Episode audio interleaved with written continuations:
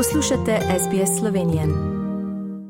Pozdravljeni, spoštovani rojaki in spoštovane rojakinje. V Sloveniji z zaskrbljenostjo pričakujemo zimo in možne posledice energetske krize.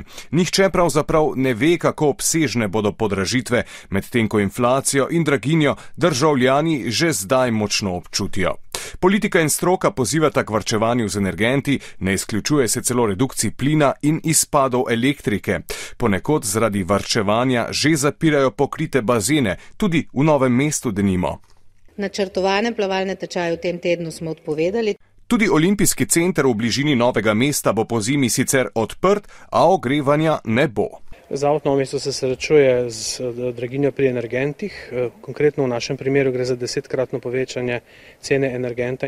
Vsi uporabniki so obveščeni glede režima ogrevanja eh, Olimpijskega centra. Vsi potrjujejo svoje udeslovanje v objektu.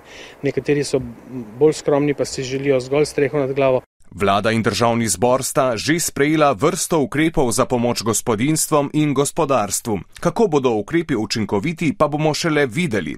Premijer Robert Golop se je na srečanju evropskih voditeljev zauzel za skupno regulacijo evropskega trga energentov. Moramo poseči na trg, moramo vzpostaviti uh, regulacijo cen, uh, kapico na nek način, ki ne bo sicer dinamična. Uh, in bo sestavljena iz več elementov, niti ni smiselno zdaj hoditi v detajle. Eh, da pa mora biti ta poseg eh, vseevropski in jasno skomuniciran. Letošnje leto je pri nas super volilno leto. Za nami so parlamentarne volitve, prihajajo županske, še prej pa bomo Slovenci volili predsednika države.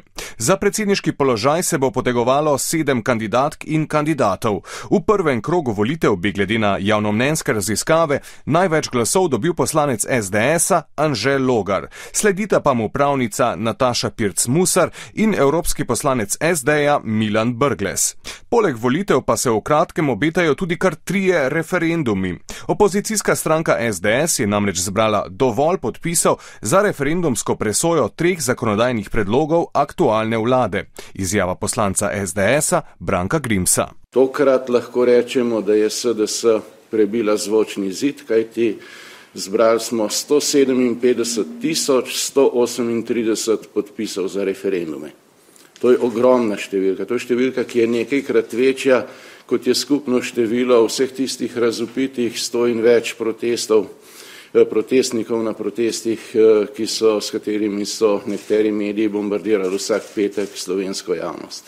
Iz vrst vladne koalicije pa je slišati kritike, da stranka SDS zlorablja institut referenduma za oviranje dela vlade. Koalicijski poslanci menijo, da bodo državljani glasovali za vladne predloge. Poslušajmo njihove izjave.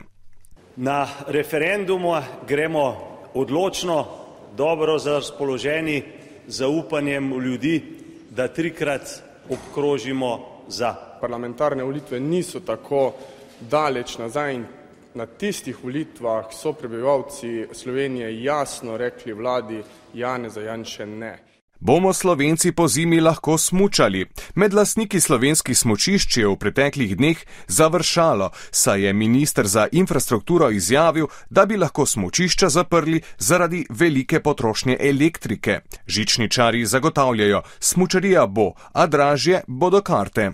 Lahko bodo dražje nekje 5 do 10 odstotkov, ampak to ne na račun energije. Če bi hoteli eh, vpliv energije danes pretvoriti v ceno kart, potem bi mogli zvišati ceno kart za 50 odstotkov ali 60 odstotkov. To pa bi pomenilo, da bi slovenska smočišča postala nekonkurenčna proti tujim smočiščem.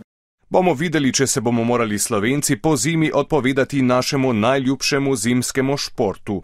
Upajmo, da ne. To je bil pregled pomembnejših novic iz Slovenije. Z vami sem bil Žan Dolajš. Lep pozdrav, do prihodnič. Želite slišati sorodne zgodbe? Prisluhnite jim preko Apple ali Google podcasta, preko aplikacije Spotify ali kjerkoli drugje.